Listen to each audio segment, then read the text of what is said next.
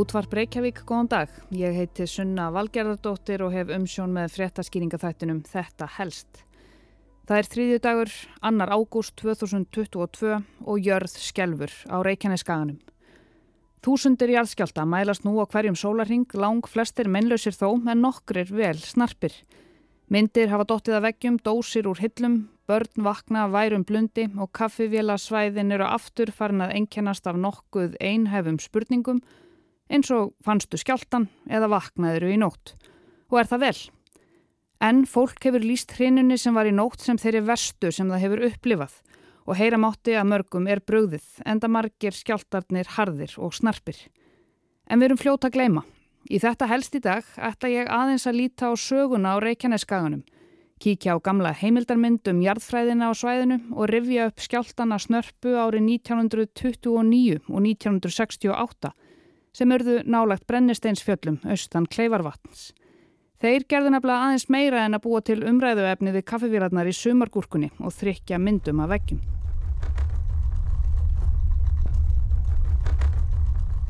Hverasvæðið í Krísuvík við söðurenda Kleifarvatns er hluti af sprungukerfi sem liggja eftir Reykjaneskaganum. Á síðustu 10.000 árum hafa orðið þar um 200 eldgós. Við, eins og líklega flest þau sem hafa internettengingu, þekkjum það nýjasta, górsið í geldingadölum. Þegar górsið í geldingadölum við Faradalsfjall hófst í fyrra 19. mars var jörð búin að skjálfa all hressilega á Reykjaneskaganum í nokkrar vikur. Hreinan hófst um mánadarmótin februar-mars 2021 og þegar líða tók á mars voru þúsundir skjálta að mælast á svæðinu á hverjum sólarring, svipað og núna. Svo slaknaði aðeins á spennunni en svo kom gós. Eldgórsið við Faradalsfjall braust vissulega upp á besta stað, fjarrri byggð og mannvirkjum, nokkuð aðgengilegt þó fyrir almenning og vegna COVID voru hér fáir ferðamenn og það skapaðist aldrei neyn hættuleg örtruð á gósvæðinu. Þó að fjöldin allur af forvitnu gós áhuga fólki hafi meitt sig á leiðinu upp að eldstöðunum, urðu engin alvarleg slis á fólki á þessum sex mánuðum sem þetta nokkuð meinleisislega túristagós stóð yfir. Óttalegur rævill, sagði einn vísindamæðurinn um gósið þegar það byrjaði. Góslokum var líst yfir 19. desember en það hafði ekki þá sérst glóð á vefmyndavélum í þrjá mánuði. Og nú um helgina, eftir rúmlega hálft ára af rólegheitum á Reykjanesskánum voru við aftur mynd á kraftin sem kraumar undir yfirborðinu og Suðurnesjónum. Almannavarnir skelltu í óvissu stig og flugkóðar voru aðeins stiltir til. Í nótt setti Veðurstofa Íslandsinn tilkynningu þar sem talsverð skjáltavirkni hafi verið við kleifarvatn í gerkvöldi og nótt. Klukkan 2.27 mæltist skjálti af stærð 5 og klukkan 23.31 skjálti af stærð 4,8. Þó nokkrir yfir stærð 3 hafa líka mælst. Skjáltarnir fundust vel á höfuborgarsvæðinu en einnig hafa borist tilkynningar um að stærsti skjáltin hafi fundist á Grundarfyrði, Akranesi, Selfossi, Þorláksöfn og Víðar. Skjáltarnir nú eru allir staðsettir rétt vestan við Kleifarvatn og eru svo kallaðir gikk skjáltar. Kviku einskotið við Faradalsfjall veldur spennubreitingum bæði vestan við Kleifarvatn og í grend við Grindavík sem leysir úr læðingi skjáltana. Það er því sennilega ekki kvika á ferðinni við Kleifarvatn eða Grindavík, segir viðstofan. Vísindamennir verðast nokkuð sammála um að ef kvikan næra brjótast upp á yfirborðið þá kemur hún líklega upp við Faradalsfjall eins og síðast en það er margt óvíst. Færum okkur nú aðeins aftur í tíman til hens sívinsæla nýjunda áratugs nánar tiltekið. Jarðfræðingarnir Haldur Kjartansson heitinn og Ari Trösti Guðmundsson frættu sjónvasáhorvendur þá um jarðfræði Reykjaneskaðans. Í lýsingu segir að þetta sé heimildarmynd sem sjónvarpið með stóru essi létt gera sumarið 1986 og fjallar um leiðina frá Strömsvík með fram Kleivarvatni til Þorlákshafnar og síðan um þrengslaveg til Reykjavíkur. Myndin er ítarleg umfjöllun um jarðfræði Reykjaneskagans. Það er góð stemning yfir myndinni þeir félagar keira um Reykjanesið á cirka 1986 árgerðinni af glæsilegum bláum Ford Escort, stoppa á viðigandi stöðum og fræða áhorvendur um undraheima Reykjaneskagans. Fyrst stoppa þeir við Kleifarvotn. Nú erum við stöldtöluvert hátt yfir vatninu og skulum svipast um í kringum okkur. Hér á bakvið mig, handa vatsins, eru brennistensfjöll. Þar uppi eru nýlegar eldstöðvar sem tilhera næsta eldstöðakerfi fyrir austamakkur.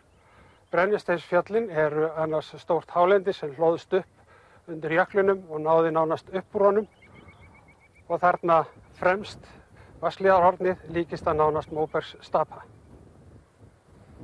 Vestan við vatnið er svo geysilangur sveifluhálsin sem var til í sprungugósum undir jöklinum.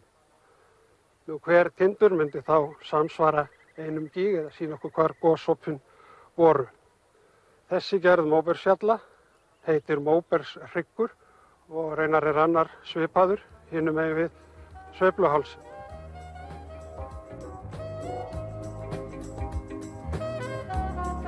Hérna vestan með við vatnið eru klettar og lagskiptum Móbergi þar sem skiptast á grófgerð lög úr bergbrotum og svo fíngerð lög úr fínum salla.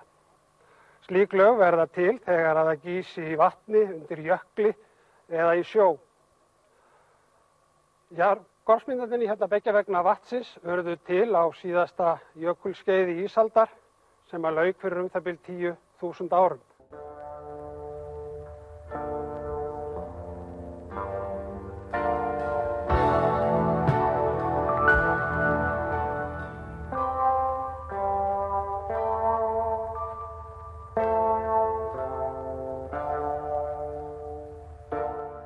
Þetta móberg það veðrast ákvæmlega mikið og skringilega og eins getur við séð uh, þar sem uh, hafa myndast fellingar, þar sem þykkur gjóskugrautur hefur síð undan halla og hann í podla í uh, uppleðslunni eða einhvers konar sprungur og annað slíkt.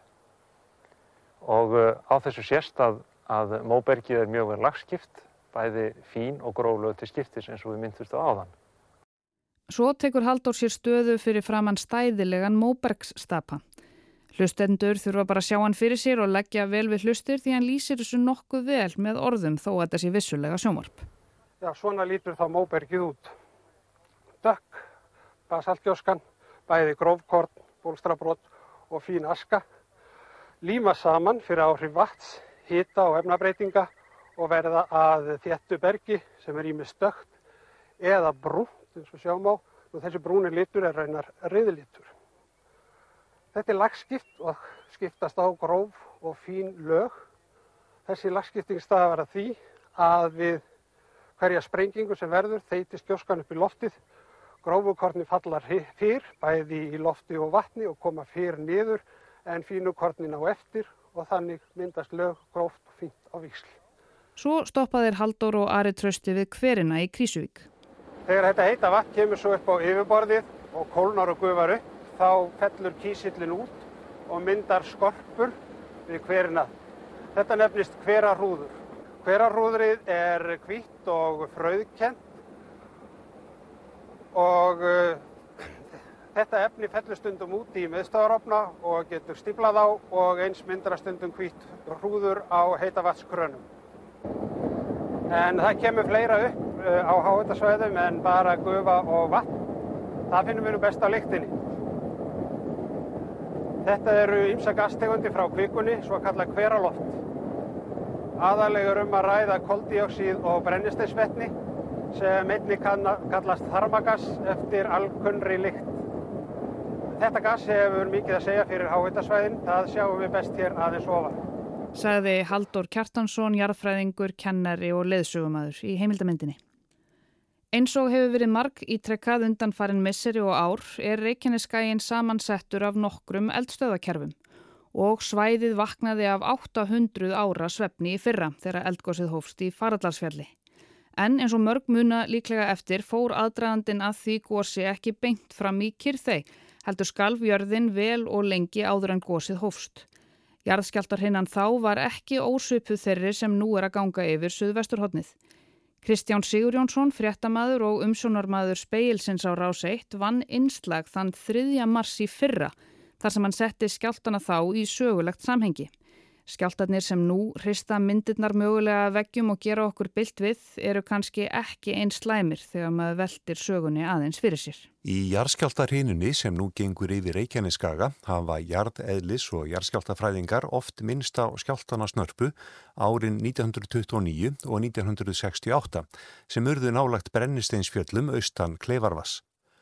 Þeir voru á milli 6 og 6,5 að stærð og vísindamenn hafa vara við að skjálti að þessari stærð geti orðið í þessari hreinu eða í náinni framtíð. Það er því ekki úr vegi að rifja upp samtíma frásagnir af þessum skjáltum. 1929 skjáltin varð þriðjudaginn 23. júli og fannst víða um sunnan og vestanvert landið. Grípum niður í morgunblæði daginn eftir 24. júli 1929. Fyrirsögnin á blaðsýðu fjögur var Járskjáltar um allt Suðu Vesturland. Snarpasti kipurinn sem komið hefur í Reykjavík árum saman.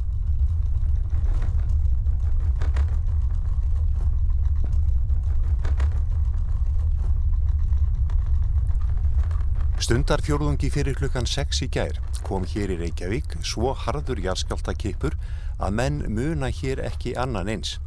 Hús hristust svo að brakað í þeim og fjöldi fólks var nóbóðið svo það þusti út á göturnar. Sumpar til að bjarga sér ef húsin skildur hinja, sumpar til þess að verða sjónarvottar að atbyrðum þeim er fyrir kæmi í grendinni. Talið er að kipurinn hafi staðið í 35 til 40 sekundur er það langur jarðskjáltakipur. Mest brauð virðast hafa orðið að skemdum á húsum þeim sem hlaðin er úr grásteini, svo sem Altingishúsinu og landsýmastöðinni. Reykháar hrundu á allmörgum húsum í bænum og hefur blaðið ekki tölu á þeim. Sprungur komi í veggi á nokkrum steinstöypu húsum en sögusagnir þær sem gengu um bæin um þau efni í gær voru allmarkar orðum auknar. Svo mikill var hristingurinn í mörgum húsum að munir duttu úr hillum, vörur sem settar voru fram til sínis í búðarglukkum hrundu víða í hrúur.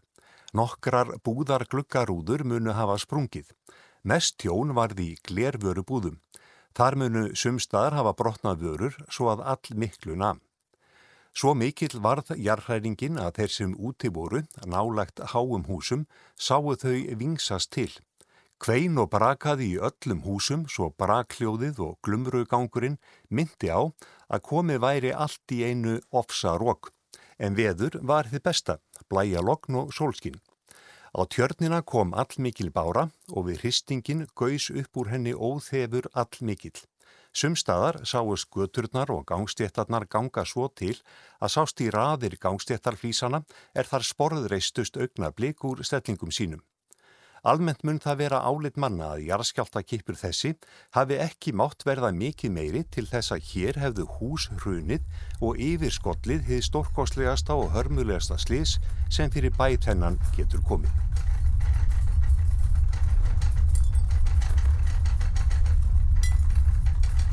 Jarðskjáltin 1968 var 5. daginn 5. desember. Dagblöðin í Reykjavík fjölluðu ítalegum skjáltan daginn eftir. Frettin á forsýðu tímans hljómaði svo. Sterkasti jarðskjálti í Reykjavík frá 1929. Hundrað kipir mældust frá kirkjubæðaklaustri til Búðardals. Klukkan 9.44 í morgun kom snarpur jarðskjáltakipur sem fannst greinilega á svæðinu frá Búðardal allt austur að kirkjubæðaklaustri. Kipurinn var óvinnu langur og sömuleiðis harður eða sá harðasti sem mælst hefur í Reykjavík frá 1929. Rafmagn fór af í hafnarferiði Bækur fjallu úr hillum og hlutir færðust úr stað. Östur í sveitum hjælt fólk sem var við vinnu úti við að það væri að fá aðsvif og strætisvagnstjóri í Reykjavík sem satt við bladalestur í vagnin sínum á torkinu stökku upp og út úr vagninum þar sem hann hjælt að svona harkalega hefði verið ekkið aftan á vagnin. En hann fór að hristast og skjálfa. Eftir fyrsta og snarpasta kippin komu svo korki meiran í minna en um hundrað kippir en þeir voru flestir mjög vægir. Þjóðviljin ræðir við fjóra verkamenn sem voru að vinna í 70 metra hæð við byggingu Hallgrímskirkjuturns þegar skjáltin reyði yfir. Fæstir hefðu viljað vera í spórum þeirra fjórmenninga sem voru við steipuvinnu efst upp í turni Hallgrímskirkju sem nú er komin í 70 metra hæð þegar landskjáltin varði gærmorgun. Þegar þjóðviljamenn komu upp í Hallgrímskirkjum þrjúleitið í gær voru mennir fjórir við vinnu sína upp í turnunum og var okkur góðfúslega bóðið að fara með liftunni cirka 40 metra og ganga síðan á vinnupöllum upp til þeirra. Við afþökkumum bóðin. Vildum heldur hitta þá þegar þeir kemur niður í kaffetímanum nokkur síðar. Á meðan rættum við við mann sem var að vinna á neðstu hæðinni þegar landskjáltin varð. Við fundum greinanlegan velting enda þótt við stæðum á miðju gólfinu. Ég gerir samt ráð fyrir að þeir hafi sveiplast meira aðna uppi. Þegar verkamennir komu niður spurði bladamadur hvernig þeim hefði orðið við þegar kirkjan fór allt í unna nötra. Við fórum að skamma þá sem voru að vinna niðri því við heldum að þetta væri vegna þess að þeir var að hrista liftuna sem flytur sement upp til okkar. Voru þið hrættir? Nei, til þess var engin tími. Turnin sveplaðist og pallurinn sem við stóðum á gekk til og færðum við okkur innan á pallin. Urðu þið varið við fleiri en eitt kip? Vinnupallurinn kastaðist nokkrum sinnum og svo var það búið. Við höfum heyrt af manni sem stóðu niðri við alþengishús og þóttist sjá Hallgrímskirkju sveiplast en leggjum engan dóm á hvort það er satt. Kanski hefur hann bara sveiplast sjálfur. Að svo búinu kvöttu við þá félaga og þeir heldu aftur til vinnu sinnar. Trúiðum hefur sjálfsagt ekki þótt þeim neyn vorkun þarna upp í hæðunum en ekki öfundaði bladamæðurinn þá. Þetta var umfjöllun Kristjáns Sigur Jónssonar í speiklinum fyrir um einu og hálfu ári sem var þá gerð vegna skjáltarheinunar sem þá reið yfir Reykjaneskaðan. Hann setti skjáltana í samengi við skjáltana snörpu árið 1929 og 1968 sem urðu nálagt brennisteinsfjöllum austan Kleifarvatns. En við getum vist lítið annað gert í óvissustíinu en að kippa listaverkonum niður, passað að hafa ekki þunga hluti fyrir ofan rúmin okkar og reynd að taka dindóttri jörðinni sem við búum á af æðruleysi þar til annað kemur í ljós. Sagan og skjáltarnir á söðu-vesturhorninu voru helst hjá mér í dag. Takk fyrir að leggja við hlustir og við heyrumst aftur á morgun.